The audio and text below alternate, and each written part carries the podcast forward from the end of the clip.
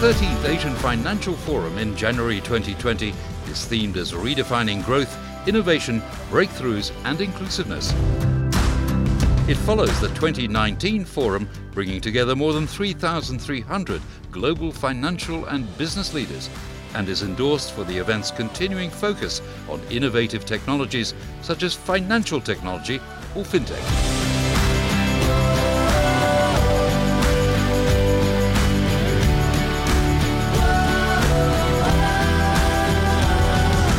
The AFF 2019, I partook in the FinTech Mentor judging session. I think it actually uh, goes to show, again, really the quality and the maturity of the Hong Kong uh, startup ecosystem. At that time, we met so many top tier insurance company and especially those from the top management. When we had got the opportunity to partake in the FinTech Showcase, to us it was an absolute must. 2019 being the inaugural year for the FinTech Showcase, it was an absolute privilege that we were able to be the technology investment sponsor. I've been attending AFF last several years. Every year, I think what really impressed me is not just a lot of leaders around the world, but the interesting topics we've been covering.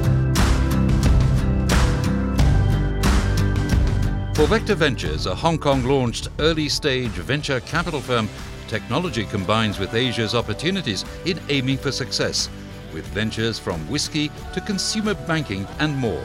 Financial technology has been the uh, biggest component of our portfolio historically, and going forward, we continue to expect to place a heavy emphasis uh, on financial technology. By being based in Hong Kong, the main reason is because we are interested in the versatile and international talent pool that Hong Kong provides uh, that actually really fits in well with our thesis of forming a cultural bridge between the East and West.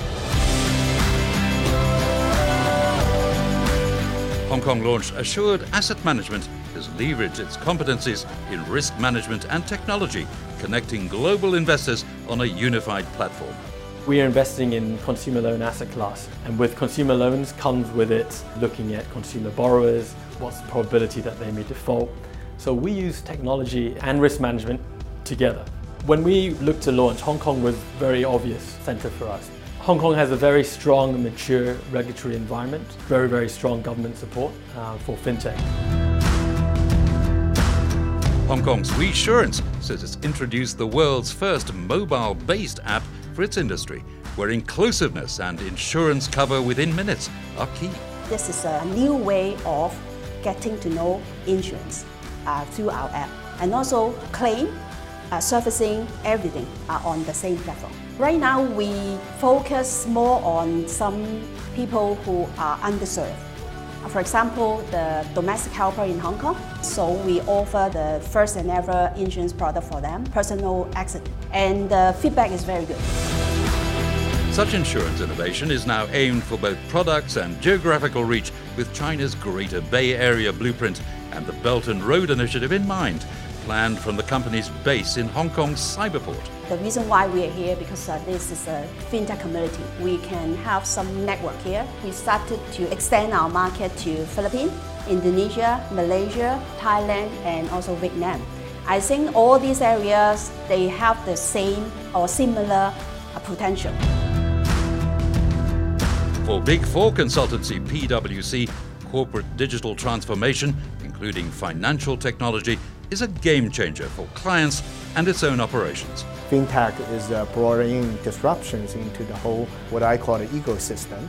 So we're doing a lot of applications, business interpretations, as well as the transformations for our clients. PwC sees opportunities to identify future business success stories.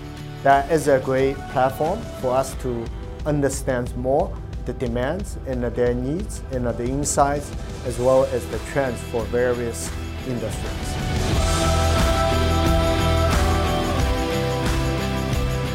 The Asian Financial Forum 2020 holds out dynamic opportunities to come.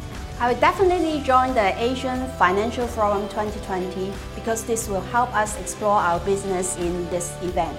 See you at AFF 2020. I will definitely attend AFF 2020.